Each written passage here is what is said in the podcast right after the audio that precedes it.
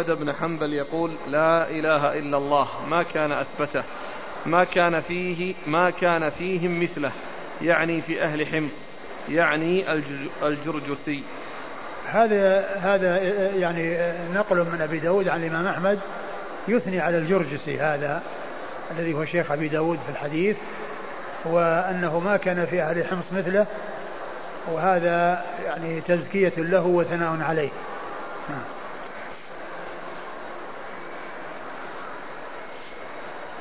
قال حدثنا هناد بن السري قال حدثنا عبده عن محمد يعني بن إسحاق عن يزيد بن أبي حبيب عن مرثد بن عبد الله اليزني عن ديلم الحميري رضي الله عنه أنه قال سألت رسول الله صلى الله عليه وآله وسلم فقلت يا رسول الله إنا بأرض باردة نعالج فيها عملا شديدا وإنا نتخذ شرابا من هذا القمح نتقوى به على أعمالنا وعلى برد بلادنا.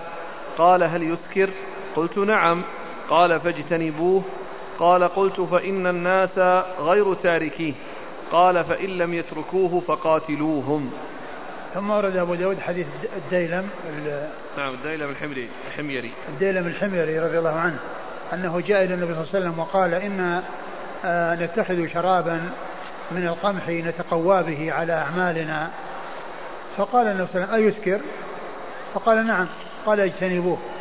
قال إنهم غير تاركيه يعني معناه أنهم قد اعتادوه وألفوه. فقال إن لم يتركوه فقال إن لم يتركوه فقاتلوهم. فإن لم يتركوه فقاتلوهم. فإن لم يتركوه فقاتلوهم. آه قال إن كنا نشرب آه، شرابا من القمح نتقوى به على أعمالنا. الرسول صلى الله عليه وسلم قال هل يسكر؟ لأن الحكم يتعلق بالإسكار. أما إذا كان لا يسكر ما في بأس. لأن المحذور هو كونه يسكر. فقال إنه يسكر. وإذا فالنبي قال اجتنبوه. ما دام إنه يسكر فإنه يجتنب. لأن الخمر يجب اجتنابها والابتعاد عنها. فقال إنهم غير تاركيه يعني معناه أنهم ألفوه. قال إن لم يتركوه فقاتلوهم يعني معناه إن, إن امتنعوا إن امتنعوا وأصروا على أنهم يشربون فإنهم يقاتلون. يقاتلون حتى حتى حتى يتركوه. يعني إن قاتلوا. يعني إذا حصل منهم مقاتلة وكذا فإنهم يقاتلون. لكن إن ما حصل منهم مقاتلة فإنما آه، يقام عليه تقام عليهم الحدود. من شرب وحصل منه الشرب فإنه يقام عليه الحد نعم. لكن المقاتلة الحد أو أو القتل؟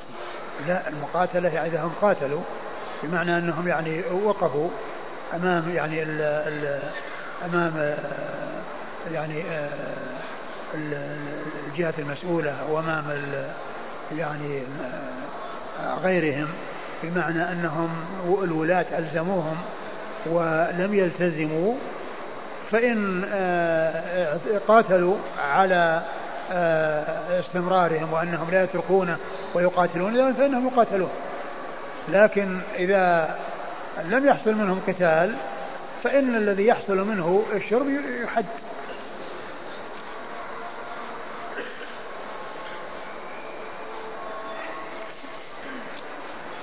قال حدثنا هناد بن السري. هناد بن السري أبو السري. ثقة أخرجه البخاري في خلق أفعال العباد ومسلم وأصحاب السنة. عن عبده. عن عبده بن سليمان وهو ثقة أخرج له أصحاب الكتب الستة. عن محمد يعني بن إسحاق. عن محمد يعني بإسحاق وهو المدني صدوق أخرجه البخاري تعليقا ومسلم وأصحاب السنن. عن يزيد بن أبي حبيب. يزيد بن أبي حبيب المصري ثقة أخرج له أصحاب الكتب الستة. عن مرثد بن عبد الله اليزني. عن مرثد بن عبد الله اليزني أبو الخير وهو المصري ثقة أخرج له أصحاب الكتب الستة. عن ديلم الحميري. عن ديلم الحميري رضي الله عنه وحديثه أخرجه. أبو داود. أخرجه أبو داود.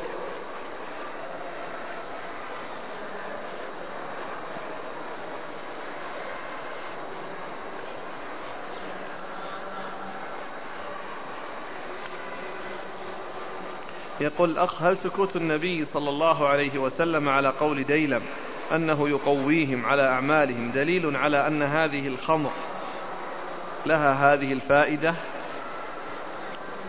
آه آه نعم هذا يدل على أن يعني أنها فيها فائدة والله قال فيها فيهما إثم كبير ومنافع للناس وإثمهما أكبر من نفعهما نعم قال حدثنا وهب بن بقية عن خالد عن عاصم بن كليب عن أبي بردة عن أبي موسى رضي الله عنه أنه قال سألت النبي صلى الله عليه وسلم عن شراب من العسل فقال ذاك البتع. قلت وينتبذ من الشعير والذرة. قال ذاك المزر. ثم قال أخبر قومك أن كل مسكر حرام. ثم ورد أبو داود حديث أبي موسى الأشعري أنه سأله عن شراب من العسل فقال ذاك البتع وعن شراب من الشعير و الشعير والذرة. والذرة فقال ذاك المزر. ف إيش بعده؟ قال أخبر قومك أن كل مسكر حرام. أخبر قومك أن كل مسكر حرام. يعني هذه الأشربة التي ذكرتها الحكم يتعلق بالإسكار. كل مسكر حرام من أي شيء كان. وهذا من جنس الحديث الأول الذي فيه السؤال عن البتع فقال كل مسكر حرام. هنا سئل عن عن البتع وعن المزري يعني الشراب الذي آه، يقال له البتع والذي يقال له المزر. آه، فقال كل مسكر حرام.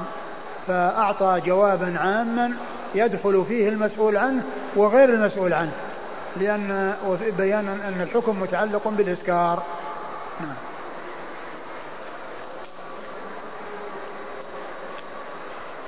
قال حدثنا وهب بن بقية.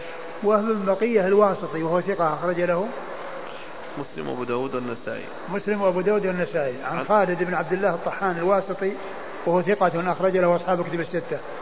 عن عاصم بن كليب. عن عاصم بن كليب وهو صدوق. نعم أخرج هذا البخاري تعليقا. نعم مسلم وأصحاب ومسلم وأصحاب السنن عن أبي بردة. عن أبي بردة بن أبي موسى وهو ثقة أخرج له أصحاب كتب الستة. عن أبيه أبي موسى الأشعري وهو عبد الله بن قيس. الأشعري رضي الله عنه وحديثه أخرجه أصحاب الكتب الستة.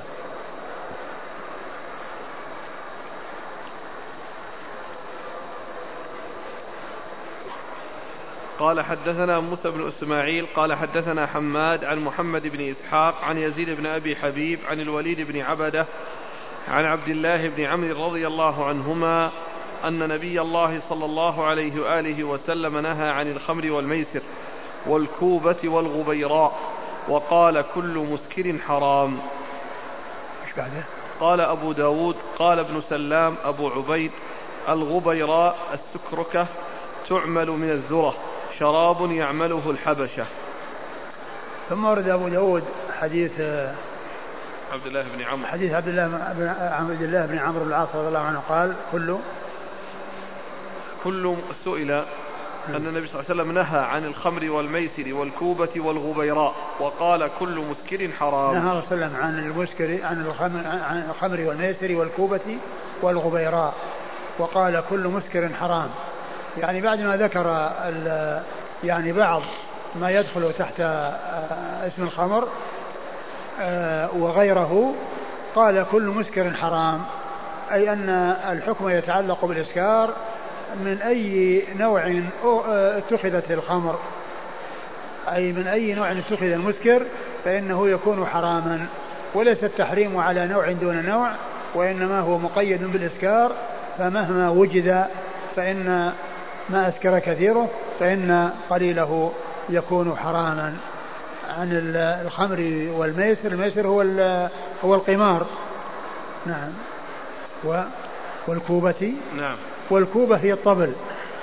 يعني وذكر الطبل مع الخمر لأن لأنه يحصل مع السكر آه، التلذذ بالقيان والمزامير والطرب وما إلى ذلك يكون مع الخمر. فيكون فيه شيء من التلازم بين يعني الخبيث هم الخبائث وبين آه، آلات اللهو والطرب. والكوبة و والغبيراء. والغبيراء هي نوع من من من الخمر يعني من النبيذ الذي يسكر وهو يتخذ من الذرة. وهي قال ابن سلام أبو عبيد الغبيراء السكركة تعمل من الذرة. شراب السكركة السكركة السكر. السكركة. السكركة نعم. هي شراب يتخذ من الذرة. يستعمل في أرض الحبشة. نعم.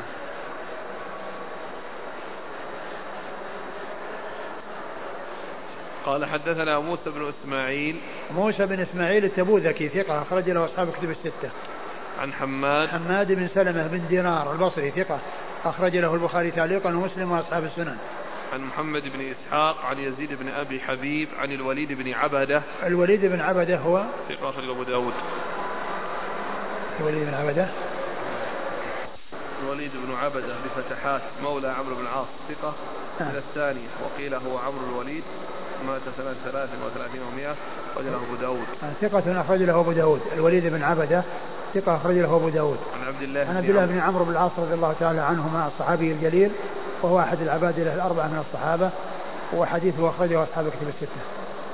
قال أبو داود قال ابن سلام أبو عبيد الغبيراء السكركة تعمل من الذرة شراب يعمله الحبشة. هذا تفسير للغبيراء. وأبو عبيد القاسم بن سلام له كتاب غريب الحديث. فيمكن أن يكون هذا من, من منه لأن عنده كتاب اسمه غريب الحديث.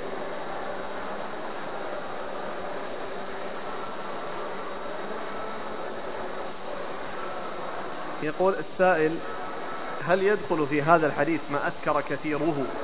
فقليل حرام هل يدخل فيه شرب السجائر؟ السجائر كما هو معلوم هي محرمة الدخان محرم لكن هل هو يسكر يعني ما أعرف يعني شيء عن عن إسكاره كونه يسكر ما ما أعرف يعني يكون الدخان يسكر لكن آه كما هو معلوم يعني فيه ضرر. وفيه آه، إضاعة للمال وفيه إتلاف للنفس وفيه إيذاء للناس. كل هذه أمور موجودة فيه ويتقضي تحريمه لكن كونه يسكر ما أعلم ما أعلم عنه أنه يسكر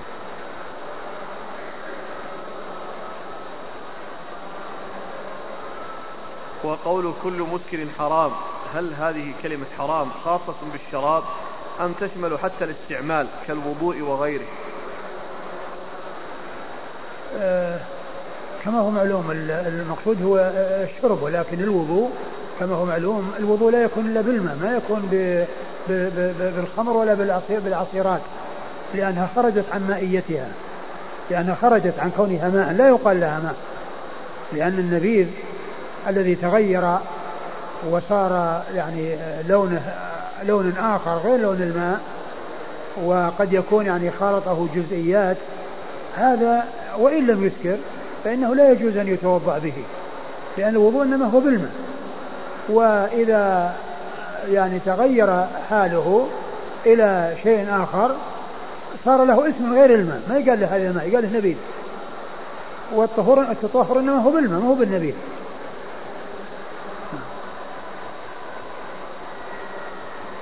قال حدثنا سعيد بن منصور قال حدثنا أبو شهاب عبد ربه بن نافع عن الحسن بن عمرو الفقيمي عن الحكى بن عتيبة عن شهر بن حوشب عن أم سلمة رضي الله عنها أنها قالت نهى رسول الله صلى الله عليه وسلم عن كل مسكر ومفتر آه ثم ورد أبو داود حديث أم سلمة نعم. رضي الله تعالى عنها النبي نهى عن كل مسكر ومفتر أو مفتر والمسكر كما هو معلوم هو الذي مر ذكره في الأحاديث والمفتر هو الذي يحصل منه الفتور والاسترخاء والخمول والكسل وكونه يعني يصير يعني ليس عنده حركة ولا عنده نشاط عنده خمول. هذا هو المفتر أو المفتر. وقيل إن, أن, أن, أن هذا أنه يكون وسيلة إلى الإذكار أو أنه يعني مقدمة للإذكار يعني يحصل فيه التفكير ويعني والفتور. نعم. قال حدثنا سعيد بن منصور. سعيد بن منصور ثقة أخرج له أصحاب كتب الستة. عن أبي شهاب عبد ربه بن نافع. عن أبي شهاب عبد ربه بن نافع وهو ثقة أخرج له. صدوق يهم صدوق يهم أخرج له. أصحاب الكتب. أصحاب الكتب الستة. إلا الترمذي. إلا الترمذي. عن الحسن بن عمرو الفقيمي. عن الحسن بن عمرو الفقيمي وهو ثقة. أخرجه البخاري وأبو داود والنسائي بن ماجه. أخرجه البخاري وأبو داود والنسائي بن ماجه. عن الحكم بن عتيبة. حكم بن عتيبة الكندي ثقة أخرج له أصحاب الكتب الستة. عن شهر بن حوشب. عن شهر بن حوشب وهو صدوق كثير التدليس والإرسال. كثير الإرسال والأوهام. كثير الإرسال والأوهام. أخرجه البخاري في الأدب المفرد ومسلم وأصحاب السنن البخاري في الأدب المفرد ومسلم وأصحاب السنن عن أم سلمة. عن أم أم سلمة أم المؤمنين رضي الله عنها هند بنت أبي أمية آه وحديثها أخرجه أصحاب الكتب الستة. والحديث ضعفه الألباني ولعله من أجل شهر بن حوشب.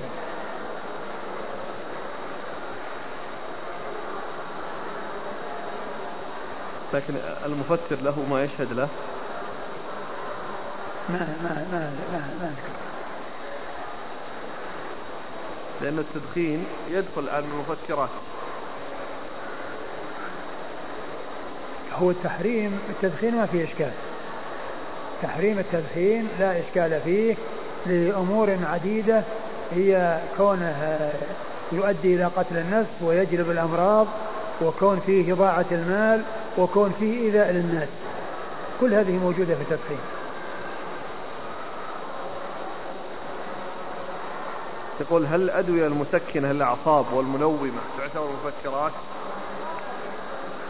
آه نعم هي مفكرات ولكن إذا كان إن أن أن العلاج أو أن هذا يعني يكون بعلاج ودواء وليس يعني من أجل يعني شرب أو من أجل تخدير أو ما إلى ذلك آه، لا بأس بها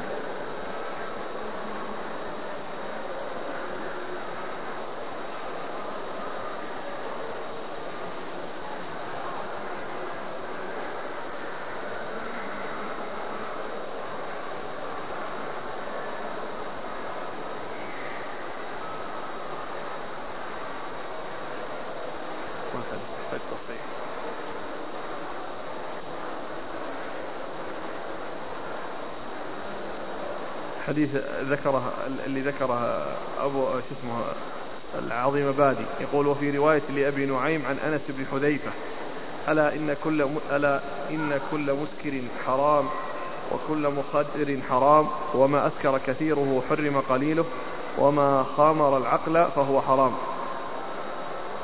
هذا وين من خرجه؟ يقول في رواية لأبي نعيم عن أنس بن حذيفة عن إيش؟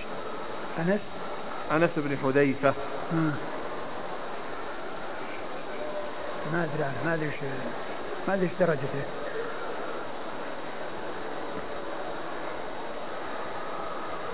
قال حدثنا مسدد وموسى بن إسماعيل قال حدثنا مهدي عن ابن ميمون يعني ابن ميمون. قال حدثنا مهدي يعني ابن ميمون عن قال حدثنا أبو عثمان. قال موسى وهو عمرو بن سلم الأنصاري عن القاسم عن عائشة رضي الله عنها أنها قالت سمعت رسول الله صلى الله عليه وآله وسلم يقول كل مسكر حرام وما أسكر منه الفرق فملء الكف منه حرام. ثم ورد أبو داود حديث عائشة نعم. رضي الله عنها أن قال النبي صلى الله عليه وسلم قال كل مسكر حرام وما أسكر منه الفرق.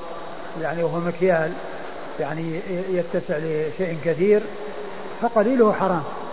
يعني معنى ذلك ما أسكر كثيره فقليله حرام. نفس الكلام الذي مر في بعض الحديث ما أسكر كثيره فقليله حرام. هنا ذكر هذا المكيال الذي هو فيه الكثرة ويدل على الكثرة فهو من جنس ما تقدم من قوله وما أسكر كثيره فقليله حرام. قال حدثنا مسدد وموسى بن إسماعيل. مسدد بن مسرهد البصري ثقة أخرج حديث البخاري وأبو داود والترمذي والنسائي. موسى بن إسماعيل مر ذكره. عن مهدي يعني بن ميمون. مهدي بن ميمون هو ثقة أخرج أصحاب الكتب. ثقة أخرج أصحاب الكتب الستة. عن أبي عثمان قال موسى وهو عمرو بن سلم الأنصاري. هو عمرو بن سلم الأنصاري وهو مقبول أخرجه أبو داود والترمذي مقبول أخرجه أبو داود والترمذي. عن عن القاسم. عن القاسم بن محمد بن أبي بكر الصديق وهو ثقة فقيه أخرجه أصحاب الكتب الستة. عن عائشة. عن عائشة وقد مر ذكرها. والحديث يعني كما هو معلوم الحديث الذي مرت آه، شاهدة له. وإن كان في هذا المقبول إلا أنه متفق مع تلك الأحاديث التي فيها كل مسكر حرام وما أسكر كثيره فقليله حرام. ما أسكر منه الفرق. مكيال فملء الكف منه حرام. قيل أنه يتلف ستة عشر رطل وقيل غير ذلك.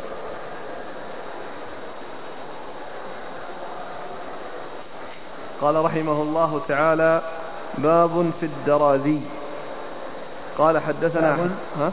باب في الدا في الدار ذي. في الدار ذي.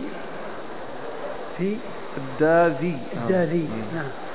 قال حدثنا أحمد بن حنبل قال حدثنا زيد بن الحباب قال حدثنا معاوية بن صالح عن حاتم بن حريث عن مالك بن أبي مريم قال دخل علينا عبد الرحمن بن غن فتذاكرنا الطلاء فقال حدثني أبو مالك الأشعري أنه سمع رسول الله صلى الله عليه وسلم يقول لا يشربن ناس من أمة الخمر يسمونها بغير اسمها. ثم ورد أبو داود هذه الترجمة باب في الداذي. والداذي قيل أنها حبوب توضع على النبيذ فيشتد يعني فيشتد وتكون سببا في كونه يكون مسكرا. وأورد أبو داود حديث أبي مالك الأشعري رضي الله عنه أنه قال لا يشربن أناس من أمة الخمر يسمونها بغير اسمها. يعني أن الخمر كما هو معلوم كل مسكر حرام وكل خمر فهو مسكر وكل مسكر حرام فإن الحكم يناط بالإسكار. ولو سمي بأي شيء يسمى به فإن العبرة بالحقائق لا بالألفاظ. العبرة بالحقائق لا بالألفاظ فإذا سميت الخمر باسم آه، لا تعرف به وقد يكون اسم آه، يعني ظاهره آه، الطيب وظاهره الحسن فإن الأسماء لا تغير من الحقائق شيئا. فالحرمة حاصلة والتحريم موجود ولو سميت بغير ذلك. وهذا إخبار من النبي صلى الله عليه وسلم بأنه آه، يأتي أناس يشربون الخمر يسمونها بغير اسمها. فيقولون ماء مثلا ماء العنب أو ماء آه، ماء الشعير أو ما إلى ذلك يسمونها. فإذا وصل إلى حد الإسكار فهو محرم. وإن كان لم يصل إلى حد الإسكار فهو حلال. إن لم يصل إلى حد الإسكار فهو حلال. وإن وصل إلى حد الإسكار فالقليل والكثير حرام. نعم.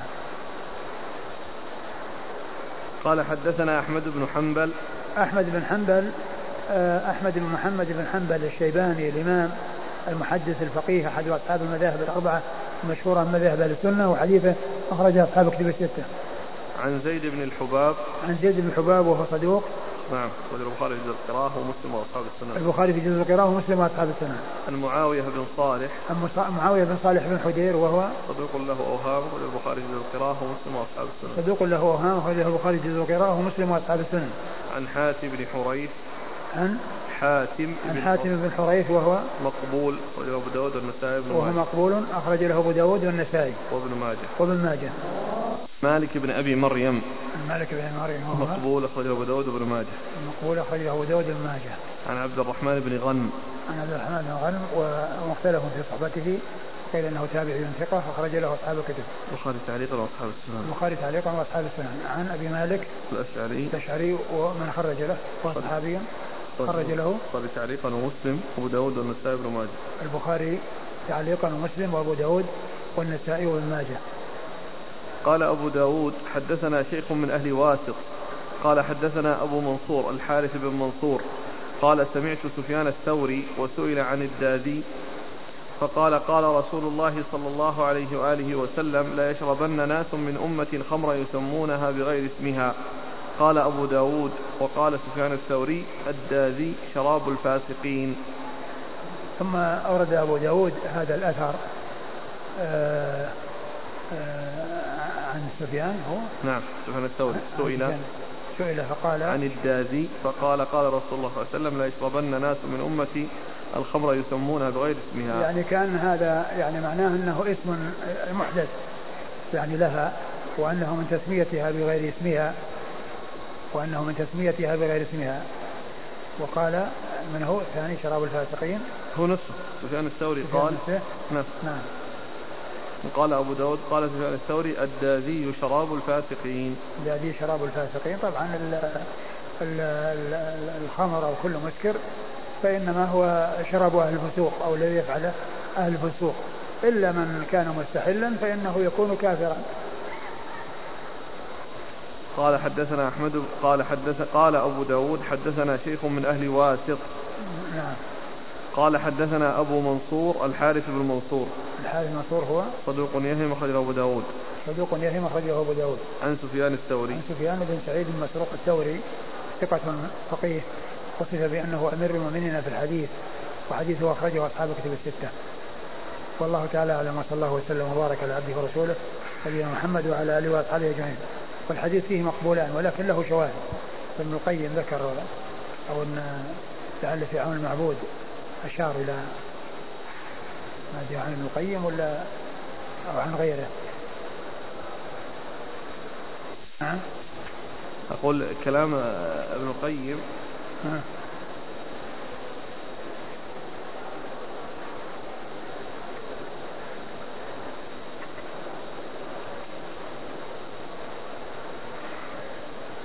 قال قال حافظ شمس الدين ابن القيم رحمه الله. هذا في في المختصر ولا في العون تريد؟ لا في مع العون اي مطبوع. قال ولفظ حديث ابن ماجه الذي أشار إليه المنذري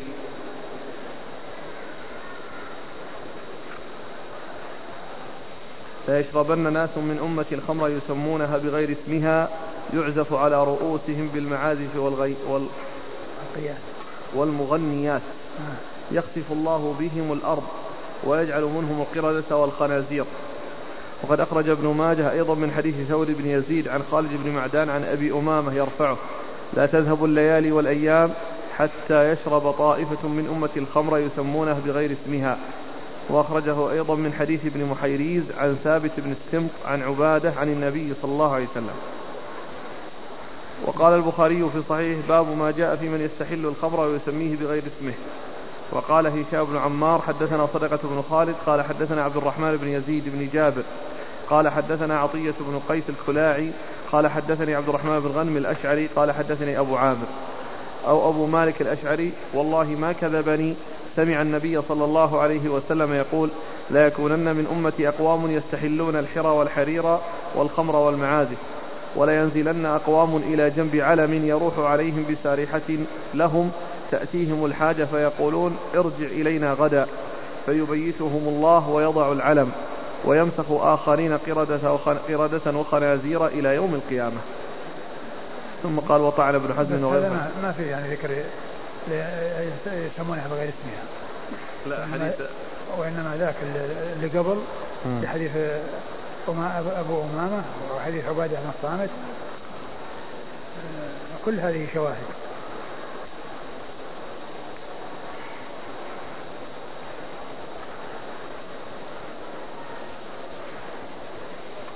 جزاكم الله خيرا وبارك الله فيكم ونفعنا الله بما قلتم.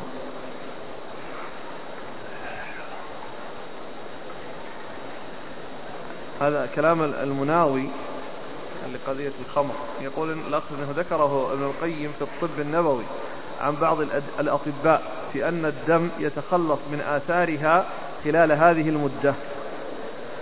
يتخلص من آثارها خلال هذه المدة؟ إيه. يعني من يقوله ابن القيم ذكره عن بعض الأطباء في الطب النبوي.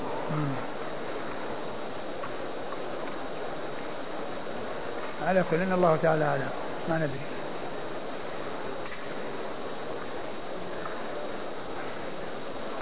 لا زالت الأسئلة في استخدام الأدوية الطبية التي فيها كحول والبنج والعطور التي فيها كحول. آه، كما هو معلوم البنج يعني ليس فيه إسكار وإنما فيه تخدير وكون الإنسان يعني ما يصير له حراك يعني فترة معينة حتى يتمكنوا من من إجراء العمليات.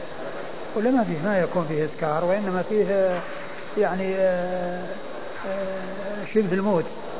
يعني الإنسان لا, لا حياة فيه. آه، يقطعون جلده كما يشاءون وهو لا يحس ولا يشعر.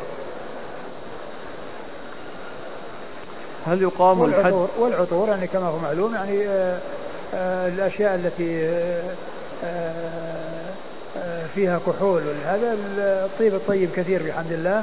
ويستغنى بما هو طيب عن غيره.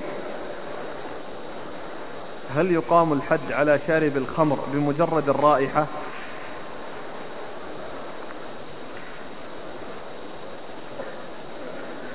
قد يكون إذا يعني هو هو جاء عن بعض الصحابة يعني يعني شيء من هذا لكن قد يكون هناك يعني يعني إن الإنسان يعني إن شيء ما ما عرفه أو شيء غر به أو كذا يعني ما لا يقام الحد بمجرد آه، كونه حصل هذا الشيء. يقول في بلادنا نوع من الثمرات اسمها دوريان إذا أكلناها أكثر من خمس حبات قد تؤدي إلى الإسكار فهل يدخل ذلك في قوله صلى الله عليه وسلم ما أسكر كثيره فقليله حرام؟ إذا كان أنها من الأشياء الطيبة من الأشياء الطيبة ويعني ف آه، الذي يمنع هو الذي يسكر أو الذي يصل إلى حد الإسكار إذا كانها من الأشياء من الأشياء الطيبة وهي من هم يقولون إن, إن عن هذا اللي هو صاحب عون المحمود ذكر عن الزعفران. يقول إنه إذا أكثر منه إنه يسكر. مع إنه يعني يستعمل و... و... ويخلط يعني بالأطعمة ويستفاد منه.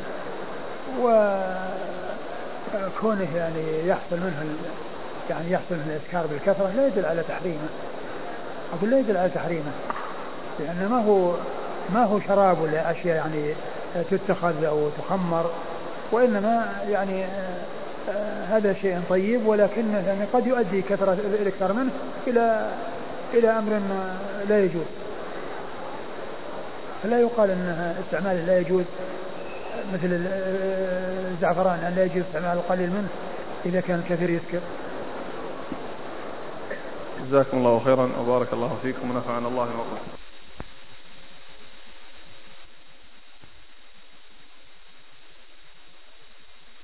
بسم الله الرحمن الرحيم الحمد لله رب العالمين والصلاة والسلام على عبد الله ورسوله نبينا محمد وعلى آله وصحبه أجمعين. أما بعد قال الإمام أبو داود السجستاني رحمه الله تعالى باب في الأوعية.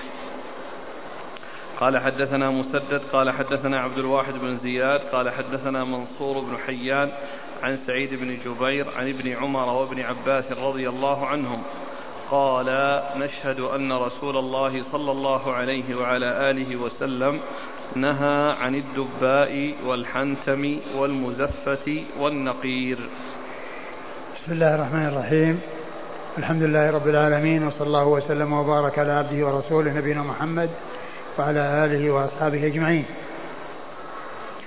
أما بعد قال الإمام أبو داود السجستان رحمه الله تعالى باب في الأوعية. الأوعية التي ينتبذ فيها وتتخذ أوعية للنبيذ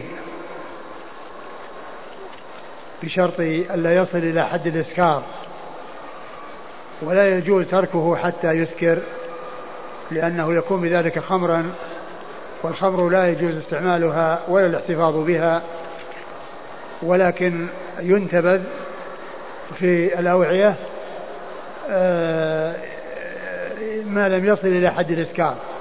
ما لم يصل إلى حد الإسكار فينتفع به ويستفاد من النبيذ. والأوعية جاء يعني في أحا في بعض الأحاديث أحاديث عديدة نهي الرسول صلى الله عليه وسلم عن عن الانتباه في أوعية. وتلك الأوعية كانت غليظة وكثيفة سميكة بحيث أنه لو حصل التغير إلى حد الإسكار ما يظهر على على سطحها من الخارج وعليها من الخارج. بخلاف الأسقية فإن إذا إذا وصل حد الإسكار تتأثر وتتغير الجلود أي الأسقية ويظهر ما ما في بطنها يظهر تغير على ظاهرها وقد تتشقق. وتتفطر بسبب ذلك الذي تغير في داخلها. فكانوا نهوا في أول الأمر عن انتباذ في أوعية غليظة سميكة لا يظهر الإسكار أو كونه وصل إلى حد الإسكار عليها من الخارج فمنعوا منها ونهوا عنها في الأول وبعد ذلك رخص لهم أن ينتبذوا في كل وعاء بشرط ألا يشربوا مسكرا. أي أنه ينتبذ ولكن بشرط ألا يصل إلى حد الإسكار. وإنما يستعمل قبل أن يصل إلى حد الإسكار. وقد أورد أبو داود رحمه الله حديث آه حديث ابن عباس وابن عمر رضي الله تعالى عنهم في أن الرسول صلى الله عليه وسلم نهى عن أربعة أشياء عن الدباء والنقير والحنتم والمزفت والمزفت. هذه أربعة أشياء أربعة أوعية. الدبة الدبة هو القرع. وكانوا يقطعون رأس الدبة ثم يستخرجون اللب الذي في وسطها ويبقى الغلاف الخارجي. فييبسونه في الشمس فيكون وعاء. يضعون في وسطه النبيذ ويضعون في وسطه اللبن وغير ذلك من من الأشربة. فكانوا ينتبذون فيه. ومعنى الدبة أنهم يقطعون رأس الدبة الذي فيه الذي فيه العرق الذي آه يعني آه الذي قطع فيكون لها فم مستوي. فيستخرجون اللب من أعلاها إلى أسفلها. ويبقى الغلاف الخارجي فتكون وعاء آه يوضع فيه توضع فيه الحاجات آه، آه، المائعة وغير المائعة لكن يوضع فيه الانتباه ينتبذ فيه. فهذا هو معنى قوله الدباء يعني أنها لا تتخذ وعاء ينتبذ فيه. والحنتم جرار يعني تتخذ من الطين وكان آه، آه، ينتبذ بها. والمزفت هو ما طلي بالزفت.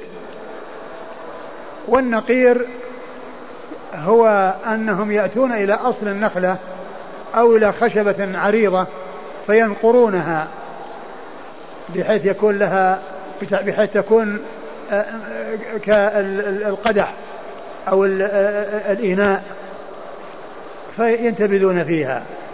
ينتبذون فيها. فهذه الأمور الأربعة وهذه الأشياء الأربعة كان النهي عنها موجودا في أول الإسلام. لأن لأنهم في أول ما حرمت الخمر في أول ما حرمت الخمر آه، كان الانتباذ فيها جاء النهي عنه لأنه يؤدي إلى الإسكار وقد يغفلون عنها ويصل إلى حد الإسكار. فيشربونه ويسكر. فنهوا عن الانتباذ فيها. وينتبذون بأسقية هذه الأسقية إذا حصل تغير آه، لها في الداخل أي للذي في داخلها يظهر على سطحها وعلى خارجها. أنه تغير وأنه حصل فيه الاشتداد والتغير فيظهر على سطحها وقد يتمزق.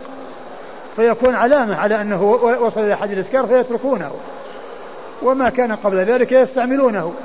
وأما مثل الدبة والنقير والمزفت والحنتم فإنها قد تبلغ إلى حد الإسكار ولكن سطحها الخارجي ما يتبين عليه ذلك لسماكته ولكثافته فهذه أوعية كان آه النهي عنها في أول الأمر. وبعد ذلك لما مضى وقت. الرسول صلى الله عليه وسلم واستقرت الأحكام واستقر للناس تحريم الخمر الرسول صلى الله عليه وسلم أذن لهم أن ينتبذوا في كل سقاء لكن بشرط ألا يشربوا مسكرا كما جاء في حديث بريدة الذي الذي فيه ثلاثة أمور. فيها النسخ والمنسوخ. كنت نهيتكم عن الانتباد في أوعية فانتبذوا في كل وعاء ولا تشربوا مسكرا وكنت نهيتكم عن زيارة القبور فزوروها. وكنت نهيتكم عن ادخار لحوم الأضاحي ألا فادخروا. النسخ والمنسوخ موجود مع بعض في حديث بريدة بن حصيب. ومنه الانتباذ في أوعية. يعني كالحنتمي والنقير والدبة وغير ذلك. فكان الحكم الناسخ أنهم ينتبذون في كل وعاء أو في أي وعاء لكن بشرط ألا يشربوا مسكرا. يعني معناه أنهم يعني يتنبهون بحيث يستعملونه قبل أن يصل إلى حد الإسكار. نعم.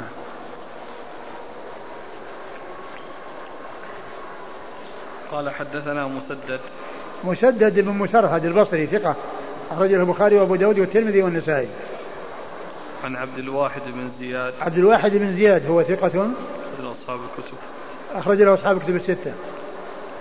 عن منصور بن حيان. عن منصور بن حيان وهو؟ ثقة أخرج له مسلم وأبو داود والنسائي. ثقة أخرج له مسلم وأبو داود والنسائي. عن سعيد بن جبير. سعيد بن جبير ثقة أخرج له أصحاب الكتب الستة. عن ابن عمر. ابن عمر عبد الله بن عمر بن الخطاب رضي الله تعالى عنهما الصحابي الجليل أحد العباد الأربعة من الصحابة وأحد السبعة المعروفين بكثرة الحديث عن النبي صلى الله عليه وسلم ومثله ابن عباس عبد الله بن عباس بن عبد المطلب هو أحد العبادلة وأحد السبعة. قال نشهد أن رسول الله صلى الله عليه وسلم نهى عن الدخان هذا تأكيد. هذا تأكيد للخبر. وأنهم آه، يعرفون ذلك تماما ويشهدون أن الرسول صلى الله عليه وسلم آه، نهى عن هذه الأشياء أي الانتباذ الانتباذ بها أي هذه الأمور الأربعة أو هذه الأوعية الأربعة. فيقول الأخ ما معنى نشهد في هذا الحديث؟ هل هو من النظر أم من السماع؟ هل هو إيش؟ من النظر أم من السماع؟ نشهد. من النظر أو من السماع؟ أي. هذا إخبار منهم إخبار منهم بأن النبي حرم هذا. إخبار مؤكد أنهم يشهدون بأن الرسول حرم ذلك. يخبرون عن النبي صلى الله عليه وسلم بأنه حرم ذلك ويؤكدون ذلك بشهادتهم على أنهم سمعوه منه. طبعا هو إخبار عن شيء سمعوه من رسول الله صلى الله عليه وسلم. النهي والتحريم المضاف إلى النبي صلى الله عليه وسلم إنما هو مأخوذ من آه من سماع كلامه صلى الله عليه وسلم. ويقول ما هو طلاء المزفت؟ ما هو إيش؟ طلاء المزفت. المزفت هو مأخوذ من الزفت أنه يعني طلاء هو الزفت تطلى به آه، آه، الجرار. تطلى به الجرار من الداخل. والآخر يقول ما معنى الانتباذ؟ الانتباذ وضع وضع ال ال هذه الأشياء التي تتحول إلى نبيذ وتكون نبيذ بدل ما تكون قطع يظهر ماؤها يعني تمر يضعونه يعني عدة أيام ثم بعد ذلك يتحول ويتحلل إلى أن يختلط بهذا الماء. فهذا هو النبيذ. إذا وصل إلى حد, حد الإسكار لا يجوز وقبل ذلك جائز. والحديث الذي فيه أن قصة عمر بن الخطاب رضي الله عنه أنه كان يسقوا له اللبن فيخرج من جوفه ويسقونه النبيذ فيخرج من جوفه المقصود النبيذ أنه كان آه، آه، آه، التمر يعصرونه مع مع الماء حتى تختلط حلاوته بالماء فيكون الماء حلوا. فإذا وصل إلى حد الإسكار بأن وضع التمر في الماء وأغلق عليه مدة ووصل إلى حد الإسكار لا يجوز. وإذا استعمل قبل أن يصل إلى حد الإسكار جائز. الانتباه نبذ الأشياء نبذ الطعام نبذ التمر نبذ الزبيب نبذ العنب نبذ يعني كونه ينبذ ويرمى فيه فيتحول إلى آه، أن يختلط ويتحول إلى ماء مختلط به جزئيات التمر أو جزئيات الزبيب أو جزئيات العسل أو جزئيات كذا فقبل أن يسكر هو مباح وإذا وصل حد الإسكار صار خمرا حراما. قال حدثنا موسى بن إسماعيل ومسلم بن إبراهيم المعنى قال حدثنا جرير عن يعلى يعلى بن حكيم عن سعيد بن جبير أنه قال سمعت عبد الله بن عمر رضي الله عنهما يقول حرم رسول الله صلى الله عليه وآله وسلم نبيذ الجر. فخرجت فزعا من قوله حرم رسول الله صلى الله عليه وآله وسلم نبيذ الجر. فدخلت على ابن عباس رضي الله عنهما فقلت أما تسمع ما يقول ابن عمر؟ قال وما ذاك؟ قلت قال حرم رسول الله صلى الله عليه وآله وسلم نبيذ الجر. قال صدق. حرم رسول الله صلى الله عليه وعلى آله وسلم نبيذ الجر. قلت وما الجر؟ قال كل شيء يصنع من مدر. ثم ورد أبو داود حديث ابن عباس وابن عمر وهو مثل الذي قبله إلا أن الذي قبله مشتمل على أربعة وهذا مشتمل على واحد وهو الجر وهو الحنتم. الحنتم الذي مر هو جرار. الحنتم جرار والجرار جاء في هذا أنه يتخذ من يتخذ من من إيش؟ مدر من المدر الذي هو الذي هو الطين نعم قال حدثنا موسى بن إسماعيل موسى بن إسماعيل التبوذكي البصري ثقة أخرج له أصحاب كتب الستة. ومسلم بن مسلم إبراهيم بن إبراهيم الفراهيدي ثقة أخرج له أصحاب كتب الستة. المعنى عن جرير جرير بن عبد الحميد الضبي الكوفي ثقة أخرج له أصحاب كتب الستة. عن يعلى يعني بن حكيم. يعلى يعني بن حكيم وهو ثقة أخرج أصحاب الكتب إلا الترمذي. ثقة أخرج أصحاب الكتب الستة إلا الترمذي. عن سعيد بن جبير عن ابن عباس وابن عمر. وقد مر ذكرهم.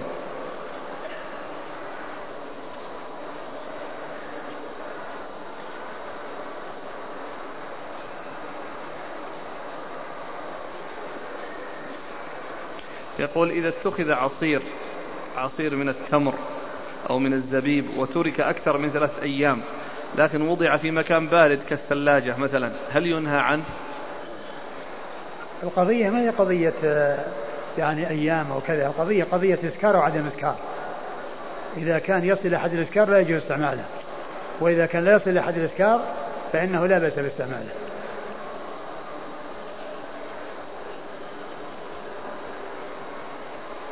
قال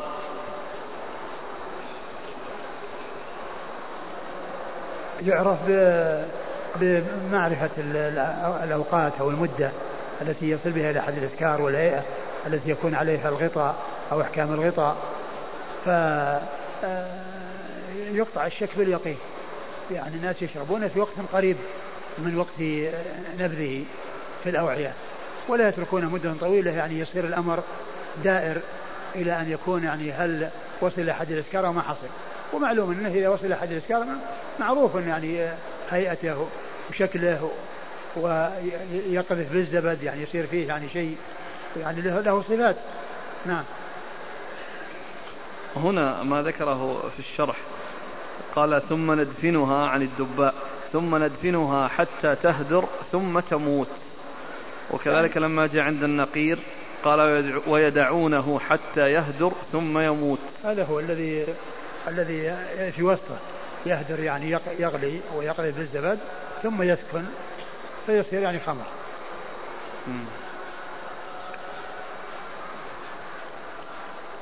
يقول السائل هل هذه العصائر الموجودة الآن من جنس النبيذ؟ آه النبيذ كما هو معلوم وضعه في أوعية وهذه العصائر يمكن ما ما تكون بهذه الطريقة. لأنها يمكنها ما ما ما تنتبذ أقول يمكن أنها آه، يحصل يعني آه، استخراجها في الحال من آه، من المواد التي تستخرج منها و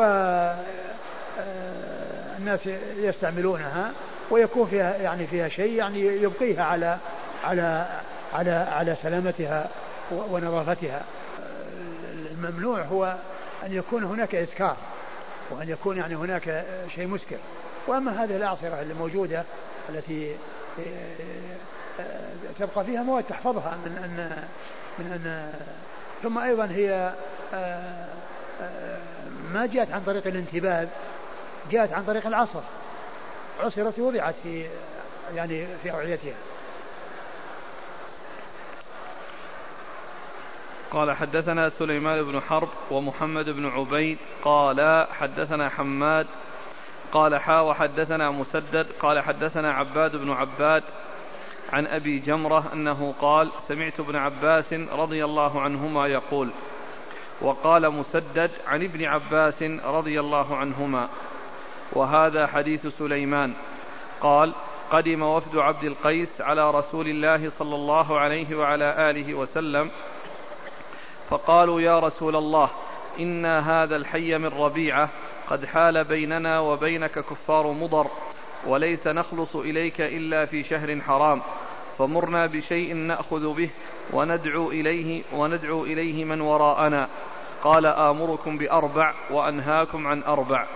الإيمان بالله وشهادة أن لا إله إلا الله وعقد بيده واحدة وقال مسدد الإيمان بالله ثم فسرها لهم شهادة أن لا إله إلا الله وأن محمدا رسول الله وإقام الصلاة وإيتاء الزكاة وأن تؤدوا الخمس مما غنمتم وأنهاكم عن الدباء والحنتم والمزفة والمقير وقال ابن عبيد النقير مكان المقير وقال مسدد والنقير والمقير لم يذكر المزفت قال أبو داود أبو جمرة نصر بن عمران الضبعي. ثم أورد أبو داود حديث ابن عباس في وفد عبد القيس وأنهم جاءوا إلى النبي صلى الله عليه وسلم وقالوا للنبي عليه الصلاة والسلام إن آه إن هذا الحي من ربيعة وبيننا وبينك كفار مضر ولا نخلص إليك إلا في شهر حرام يعني أنه في الطريق بيننا وبينك ونحن نتحين الأشهر الحرم التي التي يمتنع الناس فيها من القتال فيأتون إلى النبي صلى الله عليه وسلم ثم يرجعون. وقالوا إننا نريد أن تعلمنا بشيء نأخذ به ونعلمه من وراءنا.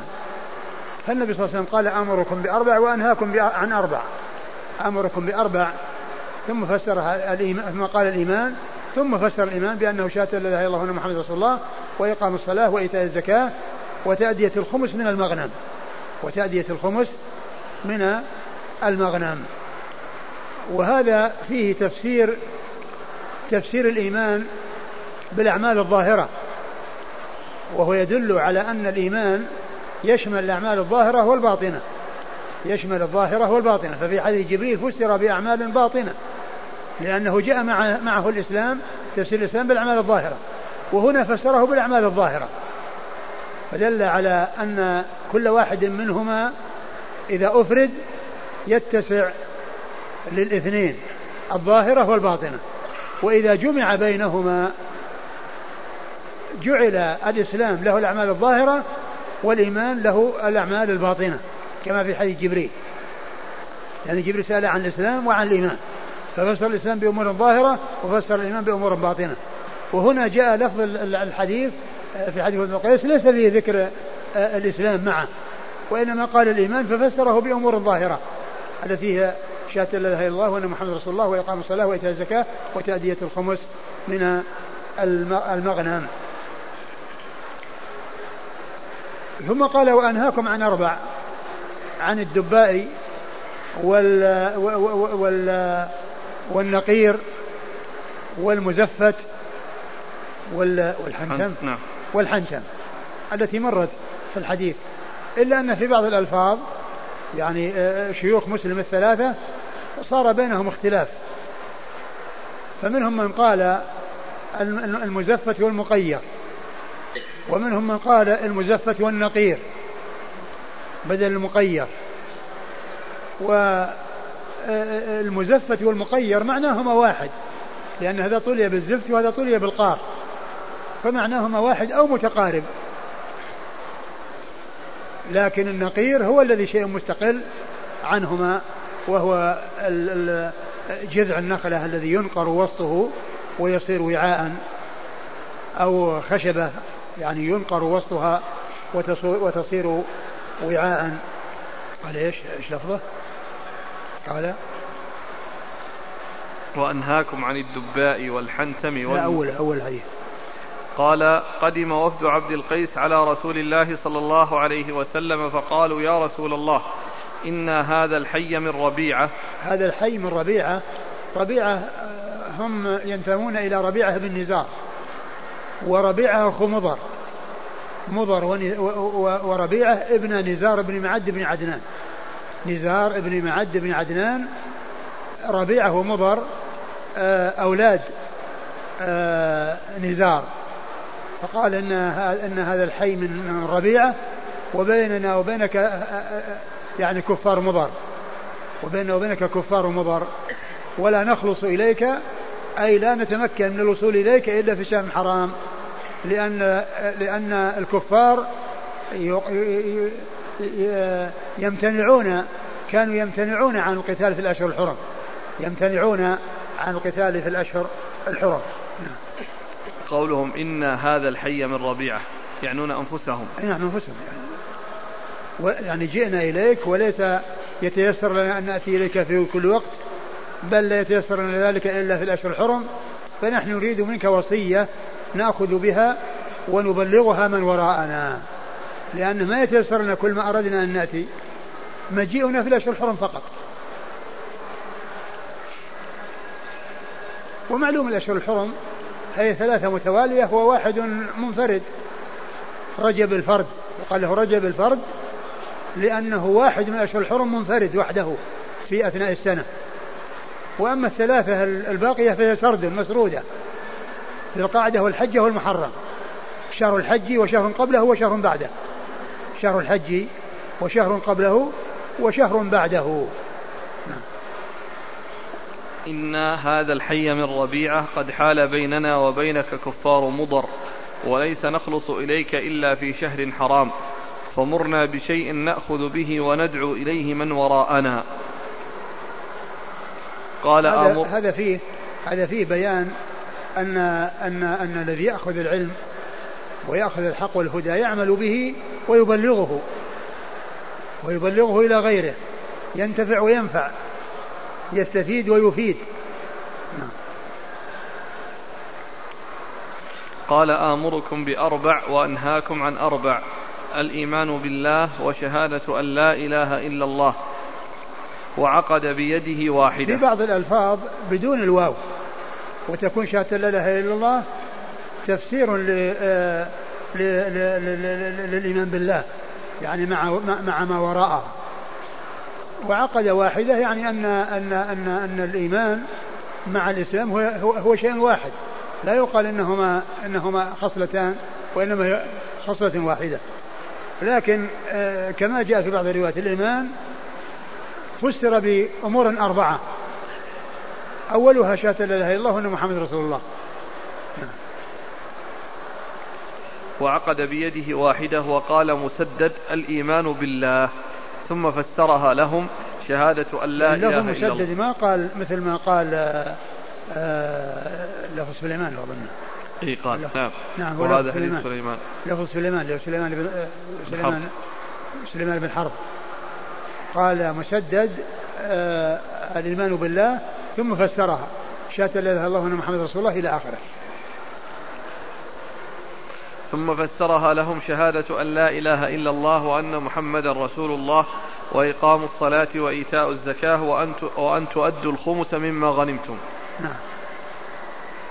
ولم يذكر لهم الصيام ولا الحج. لم يفرضا ما ذكر الصيام ولا الحج إما إما يعني آه هم كانوا في أول الأمر يعني هم يعني كانوا جاءوا في أول في أول الهجرة يعني قبل أن يفرض الصيام وقبل أن يفرض الحج. يعني الحج فرض في السنة الثانية. وهم مجيئهم يعني آه، يمكن أن يكون قبل قبل ذلك. وهم من أول من آه، يعني آه، من أسلم ودخل في الإسلام. وإسلامهم متقدم.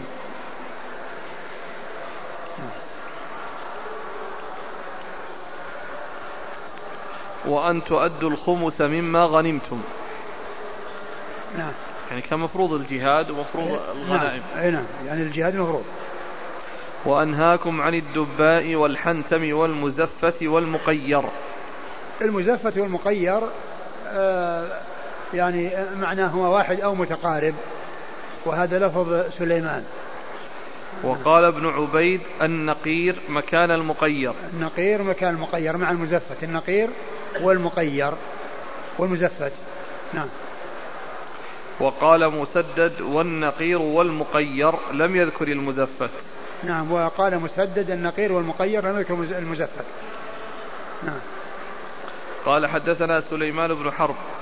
سليمان بن حرب ثقة أخرج له أصحاب كتب الستة. ومحمد بن عبيد. محمد بن عبيد هو بن حساب ثقة أخرج له. مسلم وأبو داود النسائي. مسلم وأبو داود النسائي. عن حماد. عن حماد بن زيد وهو ثقة أخرج له أصحاب كتب الستة.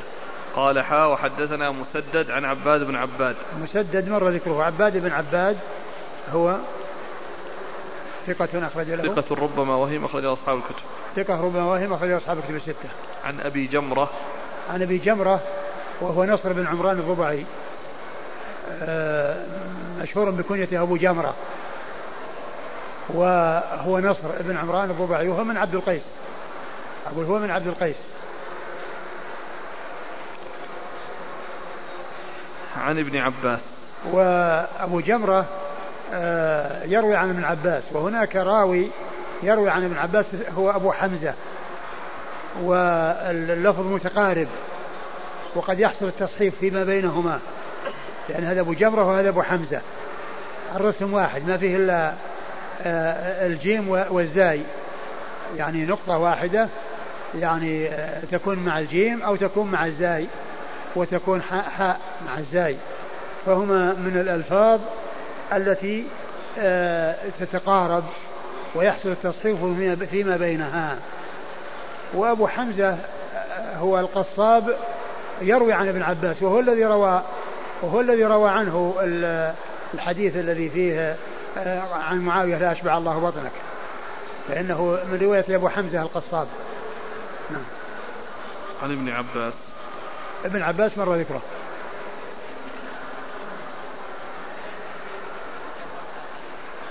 أصحاب الكتب الستة.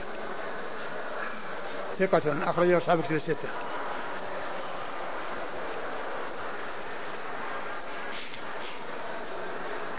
يسأل الأخ عن تسمية القبيلة بعبد القيس. هل هذا سائغ؟ هذا كما هو معلوم من مثل عبد المطلب. من الأسماء القديمة وعبد مناف وعبد العزى. يعني كانت التسمية موجودة في في الجاهلية بهذا بهذا التعبيد. وهذان سؤالان عن الأشهر عن الأشهر الحرم هل تحريم القتال فيها لا زال باقيا أم منسوخ؟ والله في خلاف بين أهل العلم منهم من قال أنه منسوخ وفي من قال انه انه إنه باق ولكن حرمتها وتعظيمها وكون الناس لا يظلمون أنفسهم فيها طبعا لا يزال باقيا. ولكن القتال هل هو من العلماء من قال إنه نسخ ومنهم من قال إنه لم ينسخ وإنه باق. وهذا ينقل عن فتح الباري أن الحافظ رحمه الله ذكر أن وفد عبد القيس قدموا في سنة تسع سنة الوفود. فكيف يوجه الحديث حينئذ؟ لا بعد سنة تسع يعني الناس دخلوا في دين الله وقريش دخلوا في الإسلام وإنما ما أدري لكن يبدو والله أعلم أنه ما أدري هل هذا كلام محقق الذي قاله الناقل هذا أو ليس المحقق لكنهم كان إسلامهم قديم وكان أول جمعة تقيم في مسجد جواثة في في البحرين يعني بعد الجمعة في في المدينة. لتقدم إسلامهم. أول جمعة أقيمت بعد الجمعة في في في المدينة في مسجد جواثة من من بلاد عبد القيس. فإسلامهم متقدم. وهذا كما هو معلوم انما يعني كون بينهم الكفار يعني آه، كفار مضر. هذا كان قبل وأما في السنة التاسعة الناس دخلوا في الدين والجزيرة كلها صارت آه، مسلمة. وإنما هذا كان في أول الأمر. فلا أدري يعني صحة نقل الأخ هذا الذي يقول هذا الكلام. ما ما أدري يعني عن وجاهته يعني يبدو أنه يعني ما هو مستقيم. لأن لأن في السنة التاسعة الجزيرة كلها دخلت في الإسلام. كلها. ما بقي شيء ما دخل في الإسلام. العظيم بادي يقول ولم يذكر هذه الرو... في هذه الرواية صيام رمضان إما لغفلة الراوي أو اختصاره. وليس ذلك من النبي صلى الله عليه وسلم. كيف ليس ذلك؟ ولم يذكر يعني مذكور قال أمركم بأربع وأنهاكم عن أربع نفس الحديث. نص على أربع وأربع وفسرها. لكن الله أعلم أنه إذا كان أن الأمر يعني مثل ما مثل ما هو متبادر أنهم تقدم إسلامهم وأنهم يعني كانوا يأتون أو أتوا في أول الإسلام وأول جمعة كانت عندهم بعد الجمعة في المدينة. آه، أن الصيام فرض في السنة الثانية والحج فرض في يعني في, في السنة التاسعة أو ال أو ال أو السادسة على خلاف بين أهل العلم.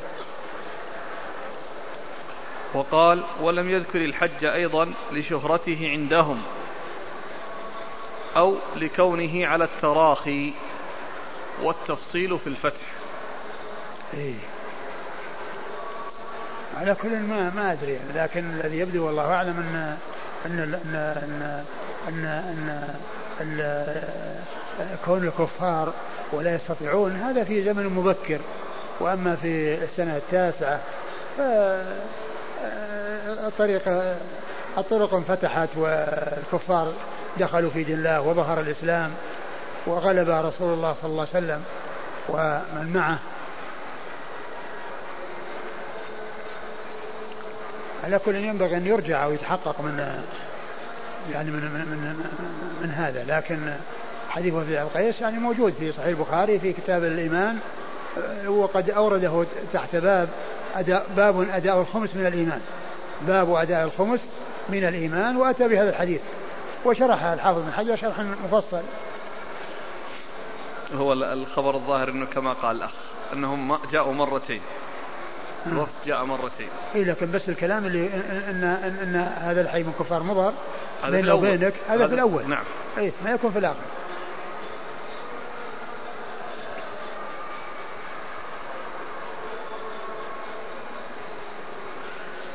قال حدثنا وهب بن بقية عن نوح بن قيس قال حدثنا عبد الله بن عون عن محمد بن سيرين عن أبي هريرة رضي الله عنه أن رسول الله صلى الله عليه وآله وسلم قال لوفد عبد القيس أنهاكم عن النقير والمقير والحنتم والدباء والمزادة المجبوبة ولكن اشرب في سقائك وأوكه.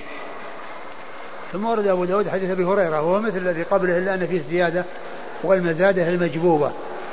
وقيل أن المزادة المزادة هي القربة الكبيرة التي زيد فيها عن الجلد لأن القربة على مقدار الجلد جلد الشاة أو جلد العنز. هذه قالها قربة وقد تكون كبيرة بحيث يعني يزاد فيها حتى تكون آه، آه، تحمل على البعير وتأخذ ماء كبيرا.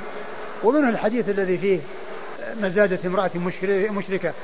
أن الإنسان توضأ من مزادة امرأة مشركة. الحديث الذي فيه أن أن النبي صلى الله عليه وأصحابه كانوا في في سفر وأنهم فقدوا الماء وأنهم بحثوا أرسلوا أناس يبحثون فوجدوا امرأة معها بعير عليه مزادتان. يعني راويتان كبيرتان واحدة من اليمين واحدة مع الشمال. يعني أكثر من أكبر من القربة. لأنها قيلها مزادة لأنه زيد فيها على مقدار الجلد حتى صارت أكبر. فسألوها عن الماء قالت إنه يعني بعيدة وكذا. ثم قال قالوا هيا امشي معنا إلى رسول الله صلى الله عليه وسلم. قالت أهو الصابئ؟ فكان جوابه من قالوا هو الذي تعنيه. ما قالوا هو الصابئ قالوا هو الذي تريدين هو الذي تعنيه. فأتوا بها إليه فأخذ القربة وصار يعني يعني يصب منها ووضع أصابعه حتى ملأوا أوعيتهم. وبقيت القربة أو المزادة على ما هي عليه. على ما هي عليه لم تنقص. فأعطوها شيء من الطعام. فذهبت إلى إلى قومها وصارت سببا في إسلامهم. وقالت جئتكم من عند يعني آه، آه، إما أنه يعني آه، إما أنه يعني كاهن أو كذا أو أنه نبي. ولكن عليكم أن تدخلوا في في دينه وأن تتبعوه كذا فصارت سببا في إسلام قومها. الحاصل كانت مزادة. يعني كان معها مزادتان على جمل. والمزادة هي القربة التي زيد فيها عن مقدار الجلد. وقال مجبوبة يعني هي المجبوبة هي الذي قطع رأسها الذي هو مكان الرقبة. لأن الرقبة من ال من ال من ال من, ال من, من الشاة أو العنز آه، يكون منها الفم فم السقاء أو فم القربة طرفها. فمجبوبة يعني جبة. يعني أصل أو جبت من أصل الرقبة فصارت يعني كأنها وعاء فكأنها وعاء من الأوعية. وقيل إن, إن, إن أنها يعني أنه لم يكن لها يعني متنفس يعني من أسفلها. وأنا ما يتضح لي آه، لأن المزادة والجلد آه، يتبين منه يعني من, ظاهره. التخمر إذا حصل التخمر. لكن يمكن أن يكون على اعتبار أنه يعني أنها مفتوحة من فوق وأنها مثل ال مثل ال ال ال ال الوعاء المفتوح. فما ما يبدو لي يعني وجه آه، كونها يعني ينهى عنها مع أنها من جنس السقاء كلها من الجلد. ثم إيش قال؟ ولكن اشرب في سقائك وأوكه. ولكن اشرب في سقائك وأوكه. يعني أوكه بحبل وبرباط يكابه حتى لا يدخل فيه شيء وحتى لا يدخل فيه حشرات وحتى يبقى سليما نظيفا. نعم. والسقاء إذا حصل فيه شيء من التغير من الداخل ظهر على جلده. ظهر على الجلد من الخارج. لأنه رقيق خفيف. نعم. قال حدثنا وهب بن بقية. وهب بقي وهب بن بقية الواسطي وهو ثقة أخرج له. مسلم وأبو داود والنسائي. مسلم وأبو داود والنسائي. عن نوح بن قيس. عن نوح بن قيس وهو صدوق أخرجه مسلم وأصحاب السنن. صدوق أخرجه مسلم وأصحاب السنن. عن عبد الله بن عون. عن عبد الله بن عون وهو ثقة أخرجه أصحاب الكتب. ثقة أخرج له أصحاب الكتب الستة. عن محمد بن سيرين. محمد بن سيرين ثقة أخرج له أصحاب الكتب الستة. عن أبي هريرة. عن أبي هريرة عبد الرحمن بن صخر الدوسي صاحب رسول الله صلى الله عليه وسلم وهو أكثر الصحابة حديثا على الإطلاق رضي الله عنه وأرضاه.